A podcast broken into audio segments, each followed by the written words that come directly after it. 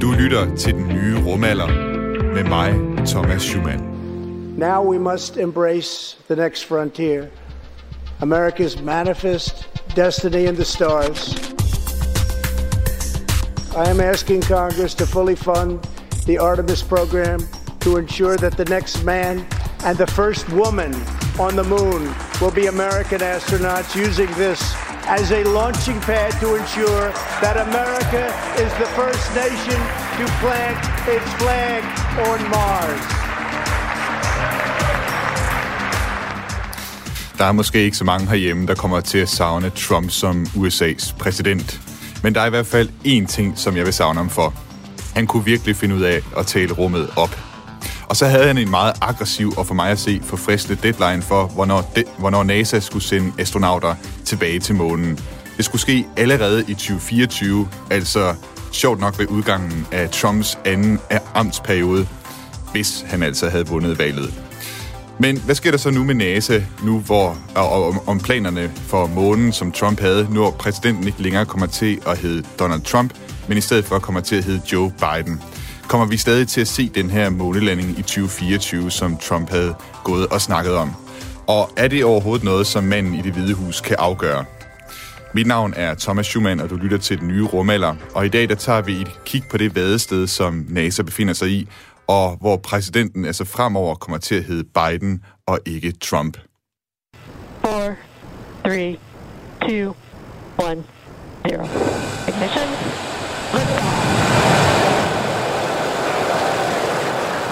And resilience rises.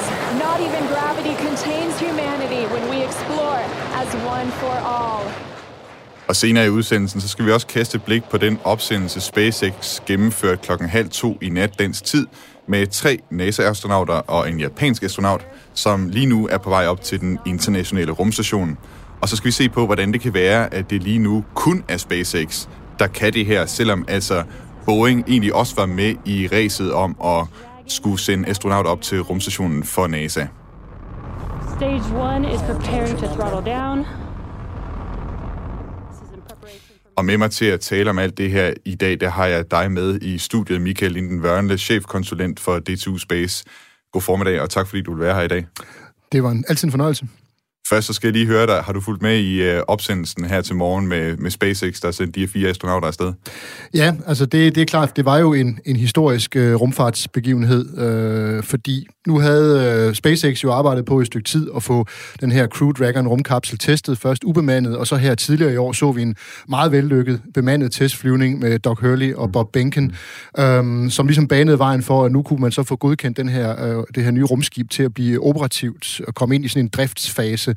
Øh, og det her, det var så den første operative, driftsmæssige opsendelse med de her fire astronauter, der skulle op til rumstationen. Så, så nu er man altså gået fra at være sådan i forsøgsstadiet til at komme over i at være sådan mere i øh, rum-uber-funktionen med at sige, nu skal vi bare derop, fordi det er sindssygt vores job. Nu er det ikke selve flyvningen, der er interessant. Nu er det der for astronauterne op til rumstationen. Og det, det lykkedes. Der var et par små øh, hiccups undervejs, men grundlæggende set gik det jo fint. Og vi vender tilbage til de hiccups og SpaceX's øh, rum-uber der øh, senere øh, til sidst i udsendelsen. Men altså, vi skal først kigge på, øh, hvad det er for et vadested, det er, NASA ligesom står i nu, hvor det er, at man er i, i gang med den her transitionsperiode øh, mellem øh, Trump og Biden, kan man sige. Og øh, jeg går ud fra, Michael, du også, øh, det kunne man jo nærmest ikke undgå, fuldt med i øh, USA's øh, præsidentvalg. Var der, altså mens du sad og, og så det og fulgte med i, øh, i det, var der så også nogle tanker, der rumsterede omkring, hvad det kommer til at betyde for, for NASA, hvem det er, der kommer til at være USA's præsident? Ja, helt sikkert, fordi det er jo sådan, at øh, i USA er tingene jo langt hen ad vejen politisk styret øh, i langt højere grad, end vi ser for eksempel hos os, hvor man har den højere grad af kontinuitet. Selvfølgelig vil der være politiske øh, ledere, der sidder minister som spidsen for min- ministerier, men grundlæggende set, så, så alt nede under hele embedsværket er jo sådan set det samme. Men i USA, der skifter man jo meget ud, øh, og øh, det her med, at man som præsident kan gå ind og sige, det er ham, jeg vil have, der skal sidde øh, i stolen, for eksempel som direktør, administrator for NASA, mm det har selvfølgelig en konsekvens, fordi det afspejler naturligvis den til enhver tid siddende præsidents øh, politiske øh, ambitioner. Øh, og, og så er der jo den her problematik med, med kontinuitet, fordi man, man som NASA jo aldrig kan være sikker på kontinuitet ud over to præsidentperioder. I bedste fald, i det her tilfælde, bliver det så kun øh, en. Så der vil være nogle konsekvenser. Øh, vi har jo stadigvæk ikke set sådan helt knivskarpt klart meldt ud fra Joe Bidens side, hvad han så vil med, med NASA. Men, men altså, når man nu ser på, hvad, hvad Joe Biden i øvrigt ellers går rundt og siger, og ellers interesserer sig for, jamen, så har jeg svært ved at se andet, mm. end han siger, jamen selvfølgelig skal vi da øh, til månen, og selvfølgelig skal vi da have øh, amerikanere til, til Mars. Men det kan godt være, at vi måske lige har nogle andre opgaver, som vi lige prioriterer lidt først, altså afbøde effekterne af coronapandemien, øh, se på de udfordringer, vi har med klimaet, som jo stort set har været taget af dagsordenen, mens Trump har været præsident. Så man kan godt forestille sig, at der vil være et fokusskift mm. for, for Bidens side. Og det kommer vi øh, meget mere ind på uh, her senere i udsendelsen også.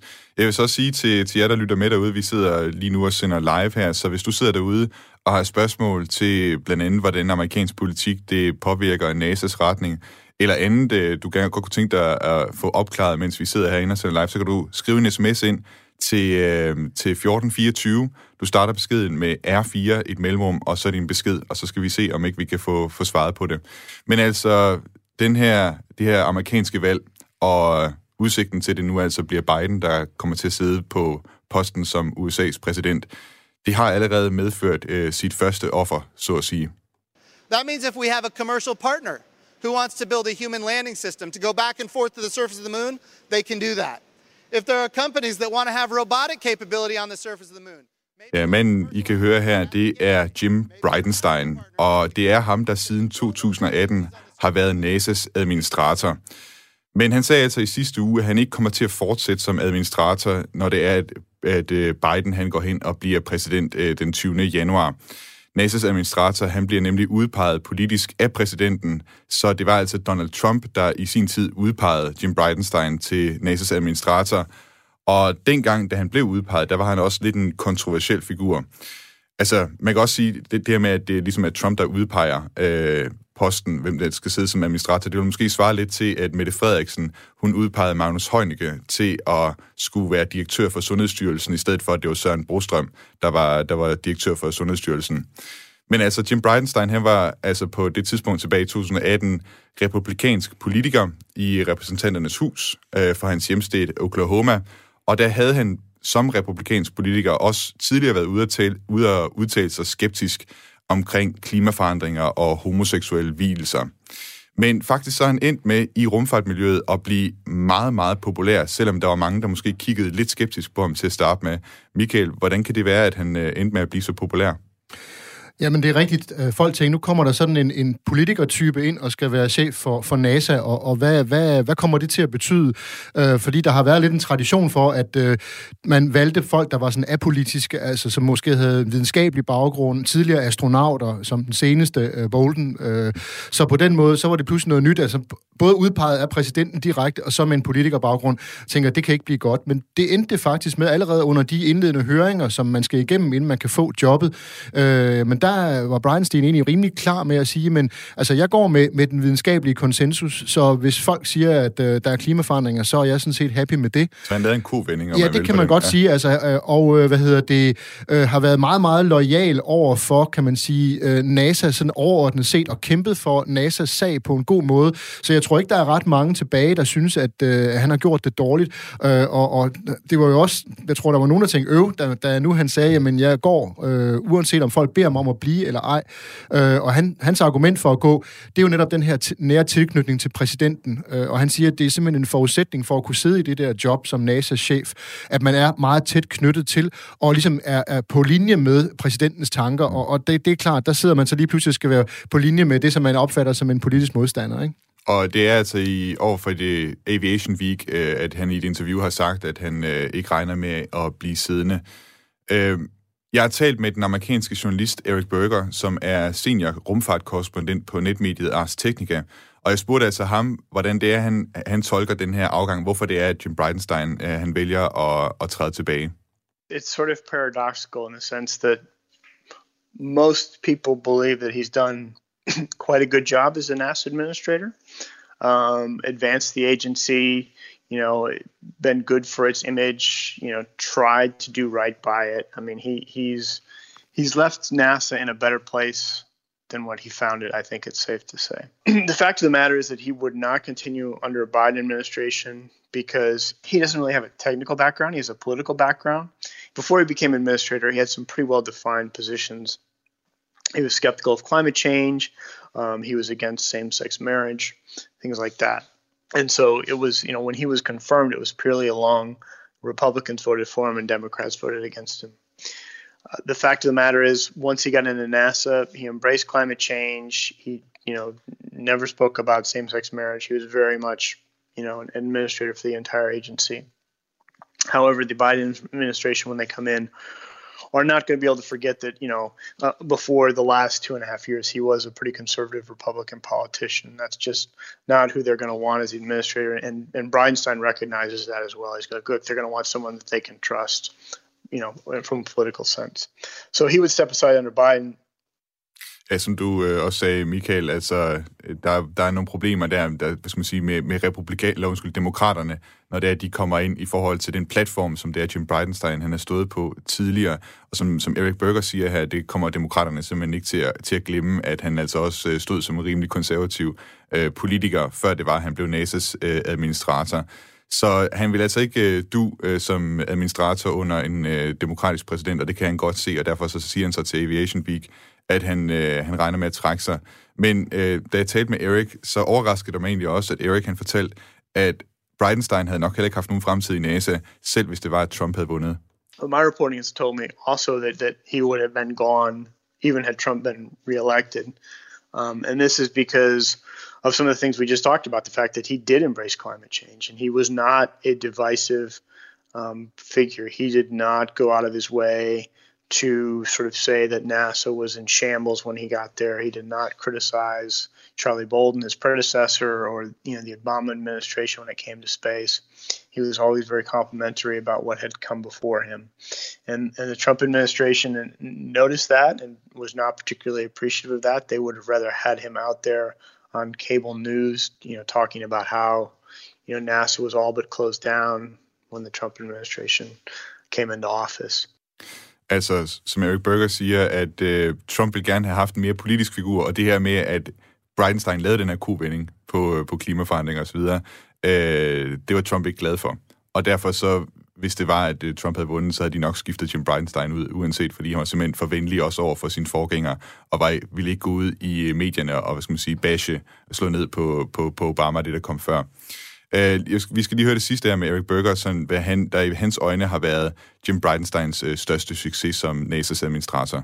I think one of the great successes of Bridenstine's administration is that he was able to be apolitical in that position and prevent NASA from being turned into a real, really sort of politically active agency. And by that I mean sort of used, since it was he was a Trump appointee, he prevented it from being used by Trump and Republicans and, and sort of a political way to attack Democrats. I think that's really to his credit.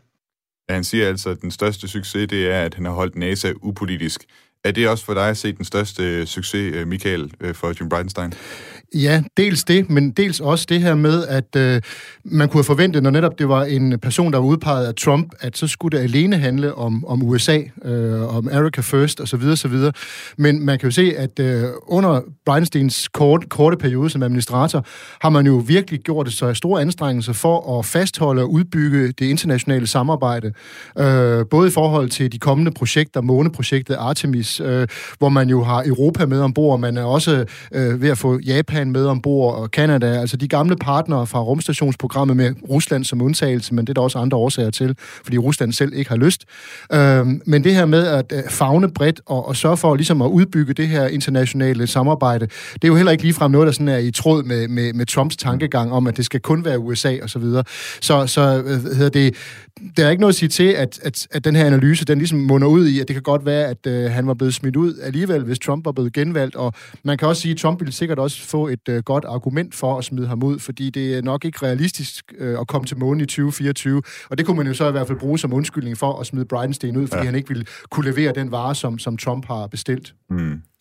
Ja, det, det er lidt sjovt, hvordan, også hvis man ser på, på Trump øh, på det seneste, hvordan han lidt har presset Bridenstine i, i forhold til at komme ud og, og sådan sige, øh, altså det er noget, han selv gør, Trump er til, man ser det så sent som med opsendelsen her til morgen, så er han ude at tweet, at øh, da Obama øh, var præsident, der var NASA mere eller mindre lukket, men nu hvor Trump er kommet på pladsen, så, så er det ligesom mere levende, end det nogensinde har været det er sådan en, øh, en, en, en lidt, lidt sjov politisering, som vi måske ikke har set af NASA tidligere. Nej, det er rigtigt, og det er jo noget pjat i virkeligheden, fordi man kan sige, det som man ser, den opsendelse, vi så i dag, mm. det er jo frugten, der bliver høstet nu af det arbejde, som blev sat i gang under Obama. Man kan måske argumentere for, at man skulle have været lidt hurtigere ude af hullerne, men altså allerede fra 2012 øh, begyndte den, øh, det, der hed Commercial, øh, hvad hedder det, Cargo Program, altså hvor det var private firmaer, nemlig SpaceX og i første omgang Orbital Science og Northrop Grumman, som øh, var med til at sende fragt op til rumstationen. Så man blev så forsinket med, med Commercial Crew Program med både SpaceX og Boeing, så det blev så i Trumps præsidentperiode. Men man høster jo frugterne for noget, der blev sat i verden under Obamas administration. Mm. Ja, det vil Trump ikke rigtig øh, anerkende, at Nej. det var altså Obamas, hvad skal man sige, rumfrugter, men, men man har høstet der. Liftoff. Go Falcon, go GPS. Bridenstine, det var altså Trumps mand, og kan ikke fortsætte under Biden. Det har han i hvert fald ikke tænkt sig at gøre. Men hvad så med fremtiden for det her måneprogram Artemis, som Trump jo virkelig også har stået på, øh, og har hvad skal man sige, sagt, at vi kommer til at lande på månen med astronauter i 2024. Øh, altså hele spørgsmålet omkring det, det er faktisk ikke kun præsidenten, der er inde over det. Der skal vi faktisk i første omgang kigge på kongressen for at finde et svar, om det er noget, der kommer til at lykkes med Biden. Altså om det er overhovedet realistisk, at øh, man i 2024 vil kunne lande mennesker på månen for i, i 2024. For i sidste uge, der fremlagde senatet sit budgetforslag til, hvordan NASA skal finansieres øh, til næste år.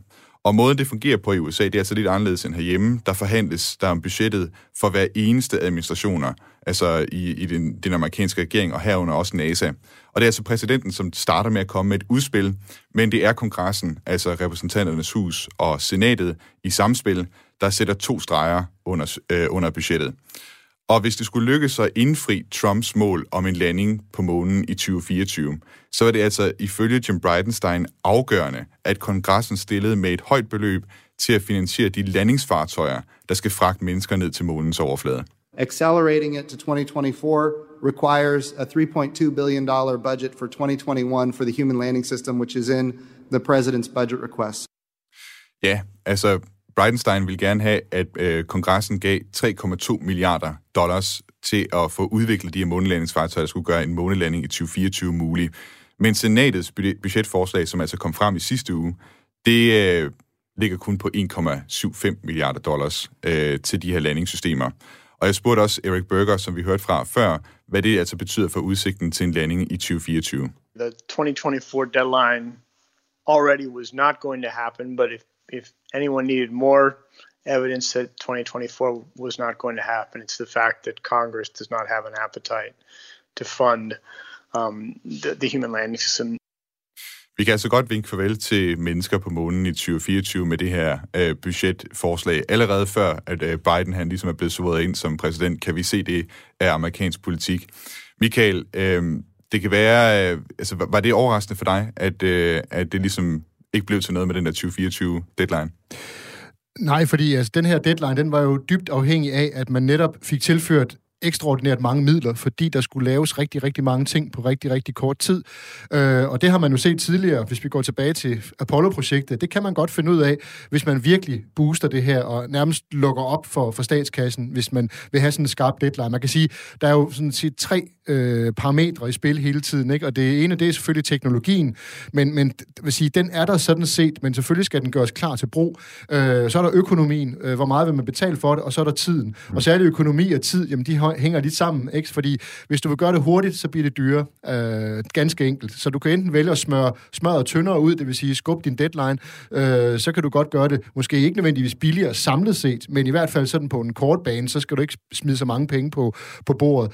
Men, men allerede det her med, da man sidste år, det var jo først sidste år, at, øh, at man fra, den, fra Trump-administrationens side, det var vicepræsident Pence, der gik ud og annoncerede den her øh, accelererede deadline, som de kalder det, ikke 2024, hvor NASA jo selv havde sagt 2028 det mener vi godt, vi kan, vi kan klare. Øh, så allerede der har man jo sagt, men igen, der er jo et politisk signal i det, der er ingen tvivl om, at det havde jo sådan ligesom været kronen på værket for, for Trump, hvis han i sin øh, anden periode som præsident, hvis han var blevet valgt, havde kunne stå der og, og tage æren for at øh, sende mennesker til månen øh, med, med, med Artemis-projektet. Og, og hvis man lige skal se på, hvor, hvor aggressiv hele den her plan var, altså der er jo kun dele af, af den her måneprogram, som faktisk er, er ved at være færdig, eller i, i stadiet, hvor man kan sige, at de er begyndt at være færdige. Du har Orion-kapslen, som mm. skal bruges. Du har øh, den raket, øh, som skal bruges til at sende ting op til månen, øh, Space Launch System, som sådan er på vej igennem test og som sådan noget. også er blevet forsinket. Og som også er blevet gange, forsinket. Ja. Men så det, har du det her Human Landing System, som mm. jo slet ikke, altså, Nej. ikke er kommet væk fra tegnebrættet. Altså, du har, du har nogle ko- koncepter og sådan noget, Mhm. ikke? Og så skulle man forestille sig, at de på altså, små fire år øh, får udviklet det. Altså, de her tre virksomheder, som man har øh, sagt, at de er i spil til at lave de her øh, landingssystemer, det skulle man forestille sig, at de kunne nå at lave inden 2024. Jo, og så var der den ekstra joker i spillet, netop den her øh, rumstation i kredsløb om månen, altså ja. Lunar Gateway, hvor, hvor filosofien Og var... hvilken rolle den kommer til at spille i det Lige præcis, ja. fordi at Orion-rumfartøjet er ikke designet til, som Apollo-rumfartøjerne var, til selv at kunne gå i en lav bane om månen og sende et landingsfartøj ned.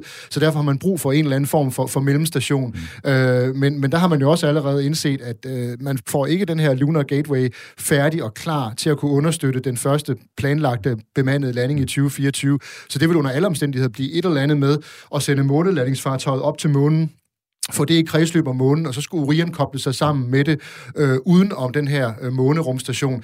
Så, så altså, der, der er rigtig mange bevægelige dele, og de er ikke nødvendigvis velsmurt alle sammen. Vel, altså, alt det, man egentlig står med, enten findes det ikke endnu, eller også så er det i hvert fald stadigvæk under, under udvikling og test. Vi har jo ikke set en ubemandet test endnu af SLS, altså den nye store raket øh, med Orion-rumskibet. Det skulle efter planen være sket i år, men det kommer tidligst til at ske i 2021.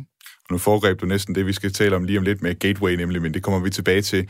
Øh, jeg spurgte også Erik Eric Berger fra Ars Technica, hvad han tænker, at Biden vil gøre, når det er, at han kommer ind som præsident i forhold til det her måneprogram. Uh, my general expectation is that they will retain the Artemis program in some form or fashion, um, but it seems likely that they will slow things down, and that may be more in line with what Congress wants to do as well. So you'd be looking at a 2026 or 2028 target for for human landing on the moon. Ja, han siger altså, at det er måske mere realistisk med 2026, 2028. Hvad mener du, Michael? Hvornår tror du, at amerikanerne lykkes med det her? Jamen altså, i, igen, jeg er også overbevist om, at øh, Biden, han vil omprioritere nogle ting. Det kan godt være, at han ikke vil slagte Artemis, ligesom øh, Barack Obama, da han tiltrådte, jo slagtede Bush, den yngres øh, måneprojekt, mm. Constellation-programmet, der var en del af Exploration. Øh, men, men altså simpelthen bare sige, jamen det vil vi egentlig godt, det her, fordi det har ligesom også givet noget, noget goodwill rundt omkring, øh, og fordi det er et, øh, jo virkelig meget i Bidens ånd, fordi det er meget med internationalt samarbejde, ikke mindst takket være Bridenstins øh, indsats.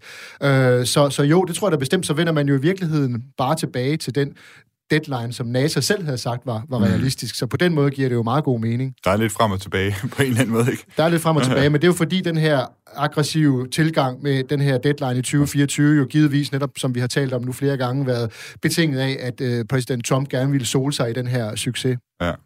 Vi har fået øh, en del sms'er ind, og jeg tror, vi kan lige på de sidste to minutter, vi har her, før der kommer nyheder på, vi kan måske lige nå et, øh, et par af dem.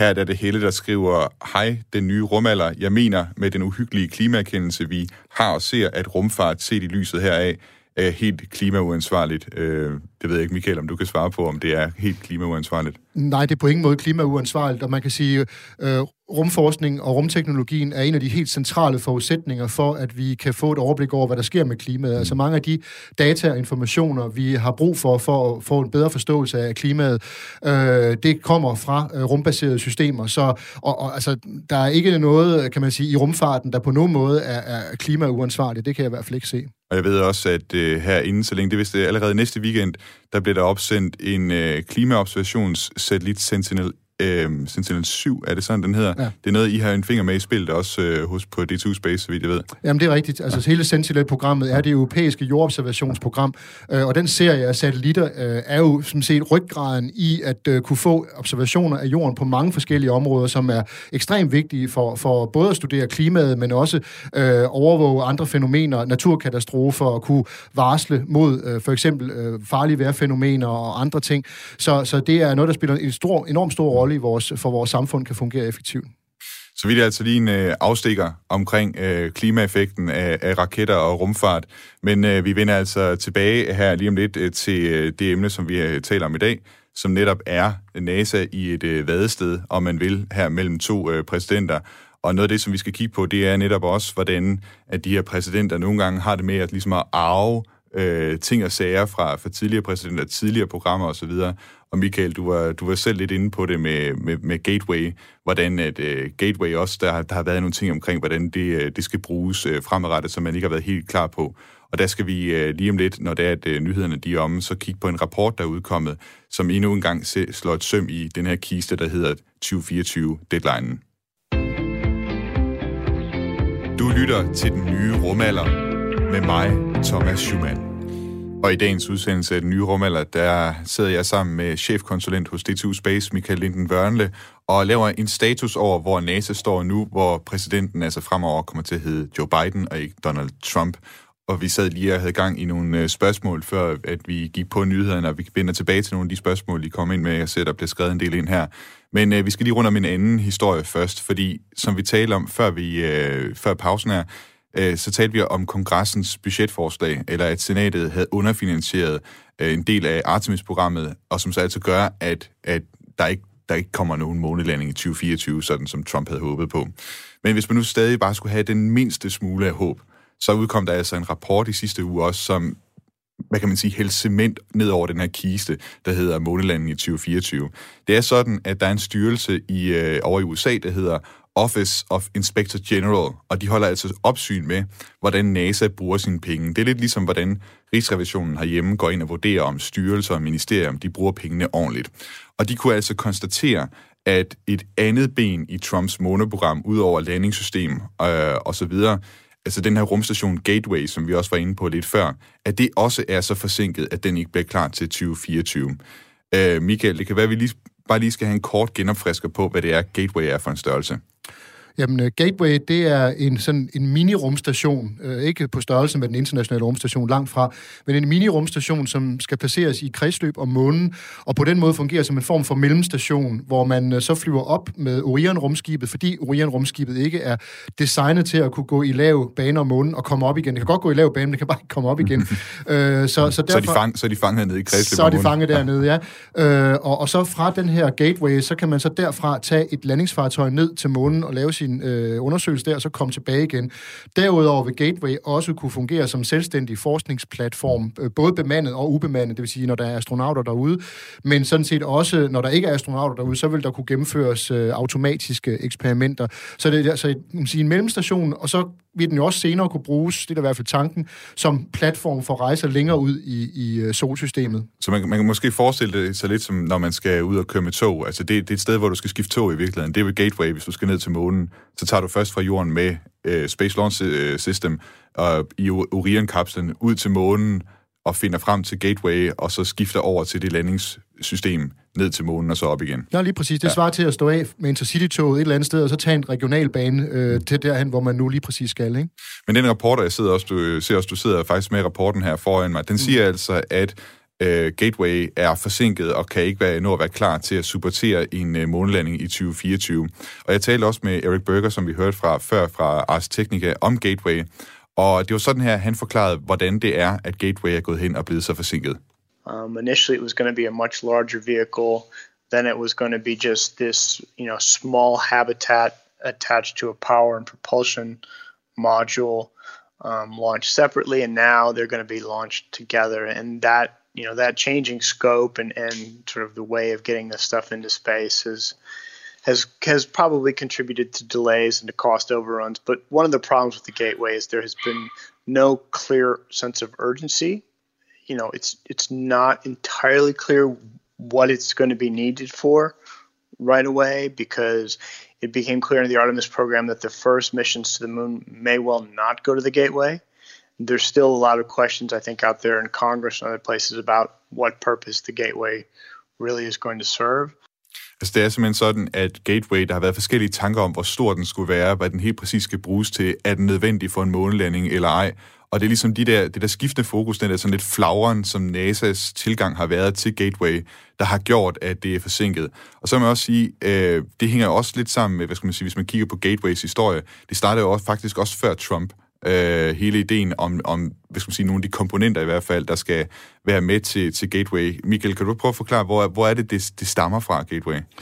Jamen, det stammer jo fra et øh, projekt, hvor man i virkeligheden, altså før at man kom til, til Trumps måneprojekt og, og hele Artemis-projektet, så var, havde man lidt en anden fokus, fordi der havde man egentlig ikke så meget fokus på månen i sig selv.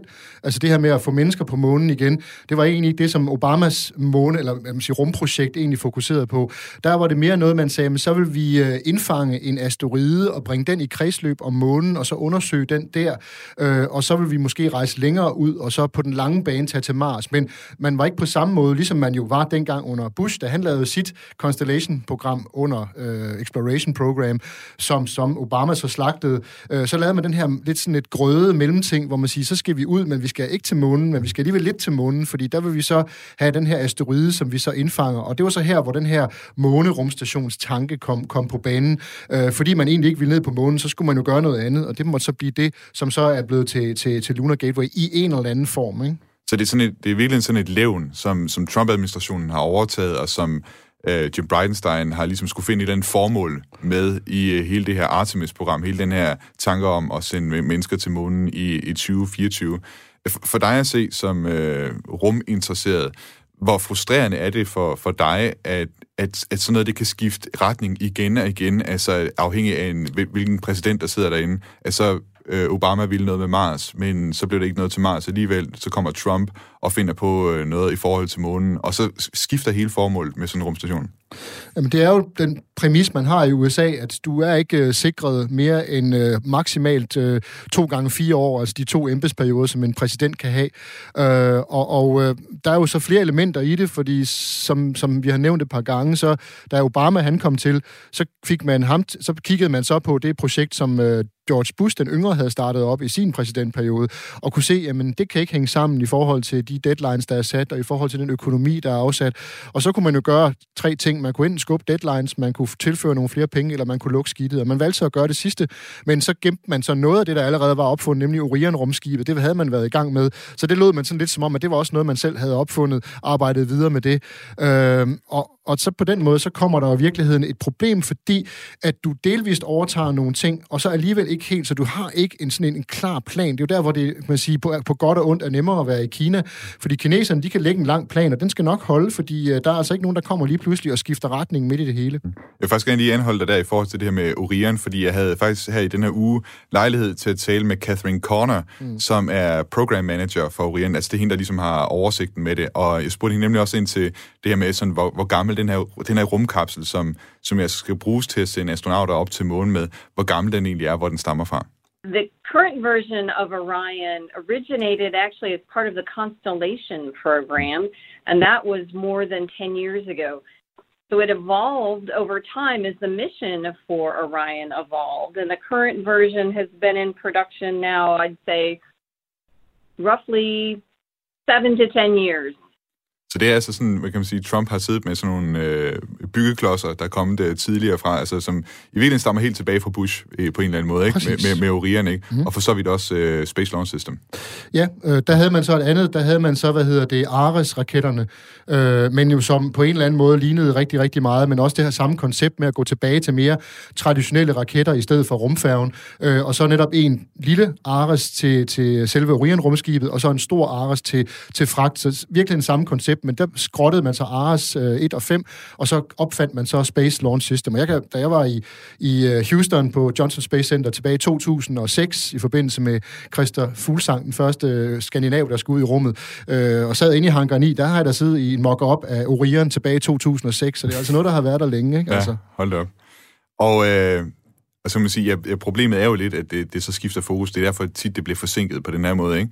Og øh, nu står vi altså over for, at øh, Biden rykker ind i øh, det hvide hus. Og jeg spurgte også øh, Eric Berger, hvad han tænker, der ligesom kommer til at være Bidens øh, fokus, når det er, at han kommer ind i forhold til Gateway.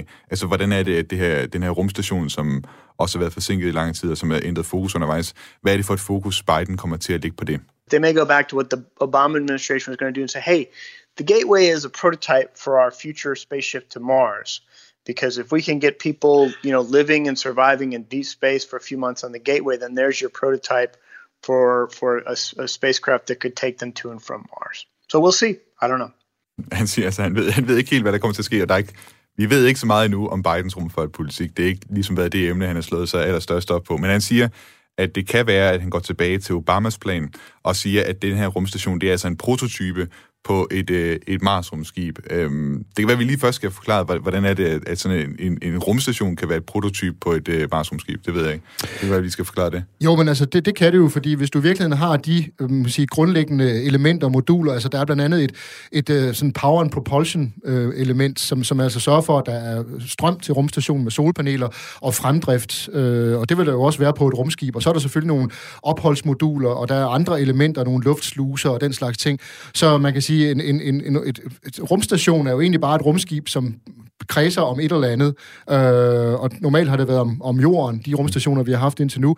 Nu vil man så prøve at få en i kredsløb om månen, og der har jo også været tale om at eksportere ideen også til Mars, til at have en Mars Gateway, altså hvor man igen til rejser til Mars ikke flyver direkte op og lander på planeten, men flyver op og kobler sig sammen med en station i kredsløb om Mars, hvor man så lige kan sikre sig, at alt fungerer, som det, som det skal, og så har landingsmoduler, der kan gennemføre flyvninger til og fra øh, planetens overflade. Og på sin vis giver det egentlig meget god mening, at man ligesom har sådan en, et mellemstation, øh, fordi det kan mindske risikoen for, at ting går galt. Omvendt så tilfører det ekstra kompleksitet, så det kan også øge risikoen for, at ting går galt. Så det i sidste ende er det jo et spørgsmål om, hvad er det, man, man vil have? Og, og det har jo været det problem, også en af de ting, som der bliver på, påpeget af, af, hvad hedder det, af Inspector General her i deres rapport, at, at fordi man har jo indgået kontrakter med, med firmaer, der er gået i gang med at bygge øh, elementer til Lunar Gateway, altså Maxar Technologies og Northrop Grumman. Men problemet er, at man egentlig ikke er færdig med kravspecifikationer, så man laver hele tiden om på det, man gerne vil have. Så det svarer til, at man går hen og siger, jeg vil gerne købe den her, men så skal den også lige kunne det her. Og så i morgen kommer og siger, at forresten skal den også lige være blå. Og, altså, det er jo klart, det er også svært for et, for et firma. Øh, og det er svært, hvis man gik ned som, øh, til en bilforhandler og gjorde det samme. Ja, lige præcis. Ikke? Du skal også, og så forresten skal der lige bygges en større motor i, øh, eller hvad ved jeg, ikke? Og, så på den måde, hvis du hele tiden ændrer dine specifikationer, det kan ikke være godt. Det koster selvfølgelig både ekstra tid, og det ender også med at koste ekstra, ekstra penge. I stedet for at vente til man siger, det er det, vi her er specifikationerne, byg den her, ikke? Har du et bud på, hvad, hvad Biden han, øh, han gør? Har du, har du en krystalkugle, du kigger ind i?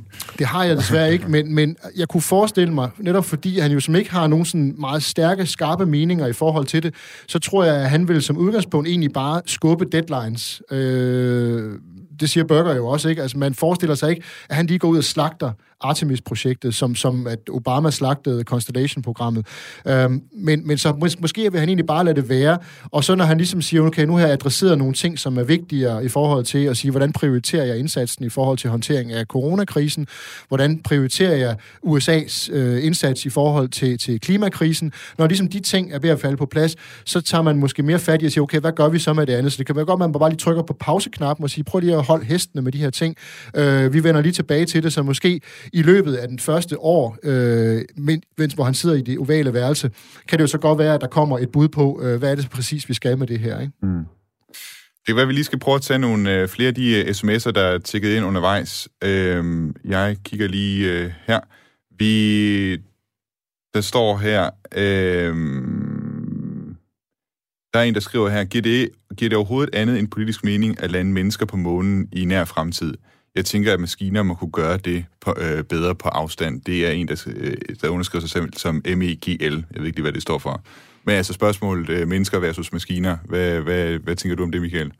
Jamen, øh, jeg tænker jo, det er jo både og. Det er ikke enten eller. Øh, det er jo stadigvæk sådan, alt andet lige, at øh, selvom vi kan utrolig meget med, med robotter, øh, blandt andet på Mars, så øh, kan man sige, så er der stadigvæk ikke rigtig noget, der kan slå et menneske. Der er selvfølgelig den udfordring med mennesker, at de skal holdes i live, og det er det, der er egentlig er udfordringen. Øh, de er ikke nær så robuste som, som robotter, men, men øh, jeg ser stadigvæk, at det er et, et samspil, øh, og det her med, at vi mennesker, vi øh, har en tilstedeværelse andre steder end, end på jorden, det ser jeg også ikke som en nødvendighed, men jeg ser det som, øh, som noget, der kommer til at ske, og det er jo ikke, fordi vi kan, men det er, fordi vi vil. Øh, så, så det er jo noget, vi, vi har lyst til at sige, det det her, det giver mening for os at, at gøre. Så robotter og mennesker i, i, i samarbejde, det, det er virkeligheden det. Altså for eksempel også, når vi begynder at tale om, om, om Mars, så giver det også rigtig god mening, at man for eksempel starter med at sende robotter afsted, der gør klar til, at astronauterne øh, ankommer. Øh, så på den måde vil det øh, langt hen ad vejen blive et samarbejde. Og det er også en, del, en af de ting, som øh, NASA har kigget rigtig meget på, ikke? Altså prøve at lave nogle samarbejder med nogle virksomheder, som kan sende nogle ting op i forvejen, mm. som kan ligesom gøre ting klar for astronauter, eller hvad skal man sige, finde øh, ressourcer. Altså, jeg mener, der er nogle, øh, der er udskrevet nogle konkurrencer i forhold til rovers også, og sådan noget, ikke? der Præcis. skal køre rundt op, og, ja. og, og NASA har også sin egen, øh, hvad hedder den, Viper, eller sådan noget i den stil, mm. som skal prøve at lede efter vand ved, ved Sydpolen og sådan noget, finde de her ressourcer, som er, som er afgørende for, for at mennesker kan måske slå sig ned på månen også. Mm. Jeg tænker, at vi øh, lige vender tilbage til det, vi egentlig startede udsendelsen med os, øh, som er den opsendelse, der har været her i nat klokken halv to dansk tid, af astronauter op til den internationale rumstation. Og det lød altså sådan her her til morgen. 4, 3, 2, 1, 0. Ignition.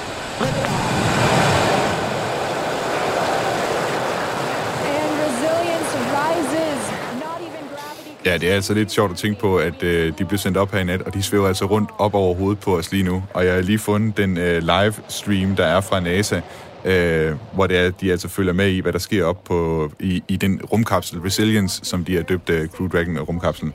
Vi se, om vi kan høre noget her. Men de siger ingenting. Men Michael, du, du nævnte også for mig, at de, øh, de vist nok gået i seng nu. Ja, der, der var i hvert fald en, en 8 timers søvnperiode, der skulle starte her klokken 10 minutter over 10 dansk tid, så det kan godt være, at de lige tager sig en, snart sig en slapper. Tager sig en morfar. Mm. Hvad, hvad er så afgørende ved, ved den her opsendelse? Nu har vi talt meget om, om måneprogram og sådan noget, men det er det sådan et, hvad skal man sige, et andet projekt inden for NASA, ikke?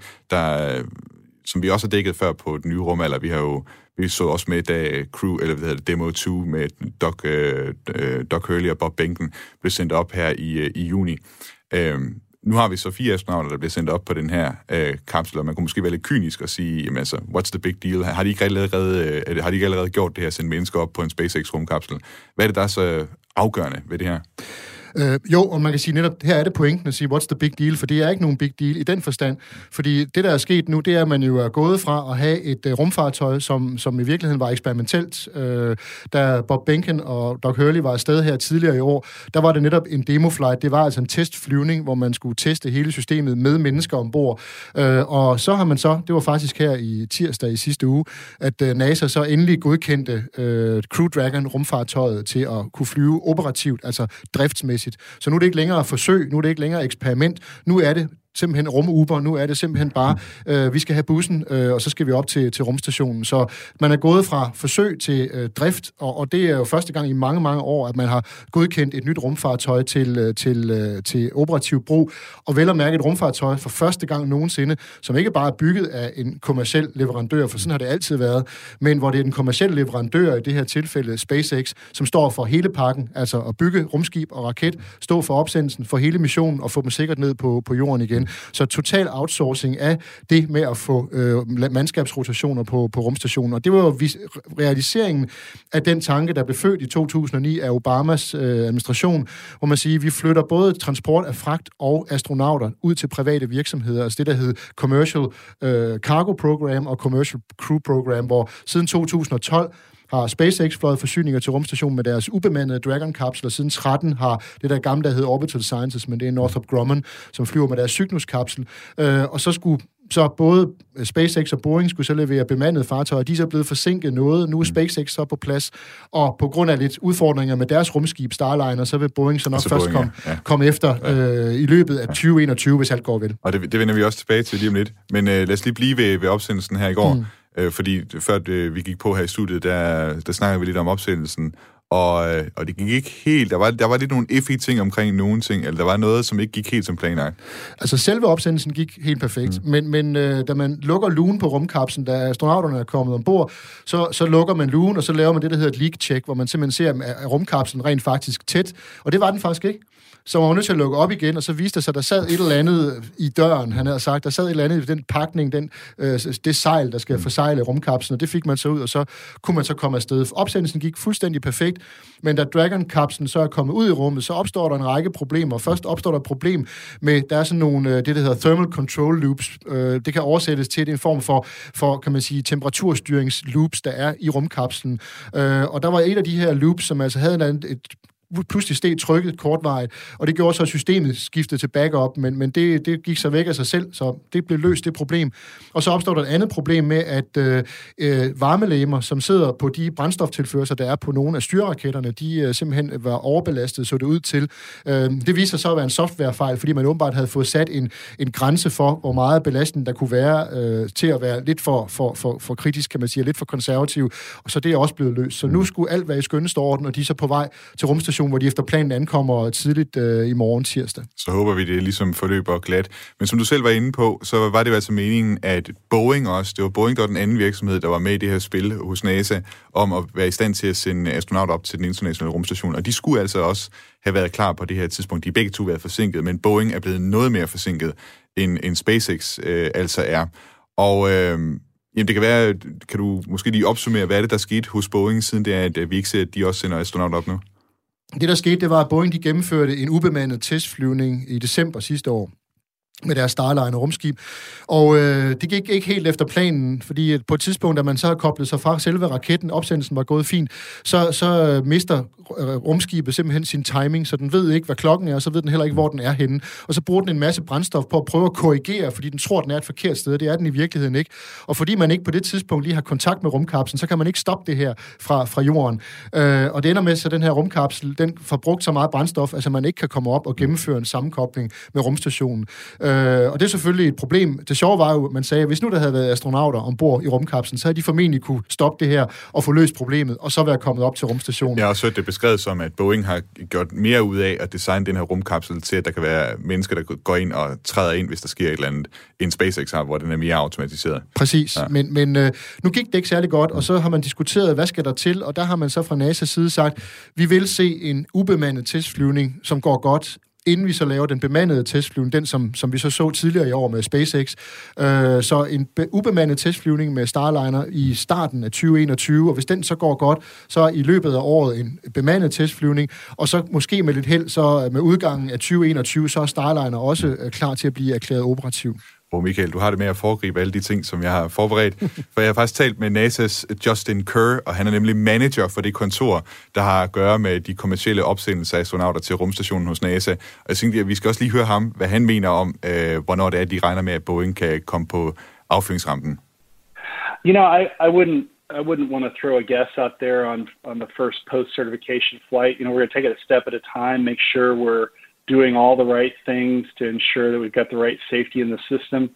We're looking forward to getting through the first test flight in the first quarter of next year. Um, and we'll just progress through that same intended set of steps uh, uncrewed flight, then to first crewed test flight, then to uh, first uh, post certification flight. They'll absolutely get there. It's a great company um, great heritage in the hardware design that they have, really evolved many of the systems from the space shuttle uh, systems. And so, um, you know, we have every confidence that we're going to be able to, to get there. Og der røg lige noget, øh, det er fordi, jeg har den der live-ting til at køre her ved siden af. Det, de sender faktisk live op fra, fra rummet lige nu. Sharing some knowledge. Uh, we have one here from, uh, from Sen Smith. Men de tager vist bare spørgsmål fra, fra lytter. Nå, det som Justin Kerr han altså sagde her, det var lidt i, i tråd med det, du også øh, var inde på, Michael, at... Øh, at øh, altså, de regner med en gang ved, ved ud, øh, hvad skal man sige, øh, slutningen af næste år at sende øh, astronauter op på den her Boeing øh, Starliner. Det kan være, øh, Michael, at du måske kan... Altså, hvordan, hvordan kan det være? Altså, Boeing er jo egentlig den store spiller her. Boeing har været med til at bygge øh, rumskib øh, siden NASA startede, ikke? har været med til at bygge øh, Saturn 5-raketten og sådan noget. Ikke? Øh, det er jo en mastodont inden for det her. Hvordan kan det egentlig være, at det er SpaceX, der ender med at blive dem, som kommer først til startrampen, og Boeing, der altså ender i vanskeligheder? Jamen altså, man kan, sige, man kan jo starte med at sige, at noget af det er også held. Altså, fordi øh, man kan jo godt være uheldig og lave en fejl. Mm. Øh, når det så er sagt, så, så er der jo lidt en tendens til, at øh, måske ånden hos SpaceX er lidt anderledes end sådan et firma som Boeing, netop fordi det er en mastodont, fordi det er en, der har været der i mange, mange år, hvor SpaceX, det er et ungt firma, øh, det er et ungt firma, som har en, en, en, en klar vision, øh, nemlig Elon Musks tanker om, at øh, vi ikke bare skal bo på, på jorden, men vi skal også bo på Mars for at sikre menneskeartens overlevelse. Øh, og, og det med, at man arbejder for et firma, som har en vision om, at vi skal, vi skal bosætte os andre steder i solsystemet, og ikke bare har et firma, der skal, der skal tjene penge til aktionærerne, det, det, det bilder jeg mig i hvert fald ind. Det gør noget ved de mennesker, der arbejder. Det man også har kunne se med SpaceX, det er, og det er jo ikke fordi, at de tager let på, på, på risici, men, men måske har en lidt større risikovillighed. Øh, de er jo kommet dertil, hvor de er, fordi de har begået, ikke fejl, men hvor de har, lad, lad, de har gjort, hvad de kunne for at få tingene til at fungere. For eksempel det med at få landet deres øh, rakettrin fra Falcon 9-raketten på, på jorden igen, så man kan genbruge dem. Og det gik galt flere gange, og, og for hver gang bliver man lidt klogere, og så til sidst, så fungerer det. Altså, øh, og på den måde, så efterhånden, så, så øh, bliver man altså måske lidt, man når lidt hurtigere frem til resultaterne, fordi man har en lidt større risikovillighed, øh, men som sagt ikke fordi man på nogen måde er uansvarlig, tværtimod. Øh, når man ser på, hvilket testprogram øh, Crew Dragon-kapslen har været underkastet, så, så er det øh, ganske imponerende. Men øh, jeg tror, der er en lidt anden ånd øh, hos SpaceX, end der er hos et firma som Boeing. Og med de ord, så er vi ved at nærme os afslutningen på dagens udsendelse af den nye rumalder. Michael Linden Wørnle, chefkonsulent øh, hos D2 Space. Tak fordi du var med og tale altså om både opsendelse af Crew 1 og Artemis, og hvad der skal ske med NASA her under Biden som præsident. Det var så lidt.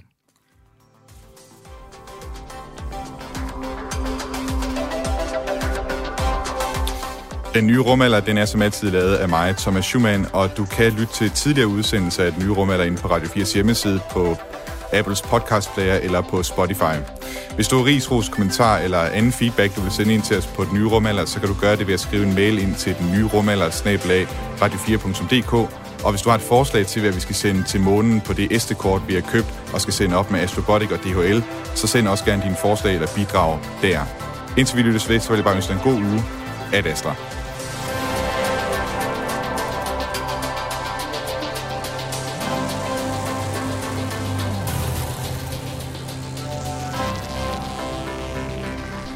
About believing in, in the future and, and, thinking that the future will be better than the past.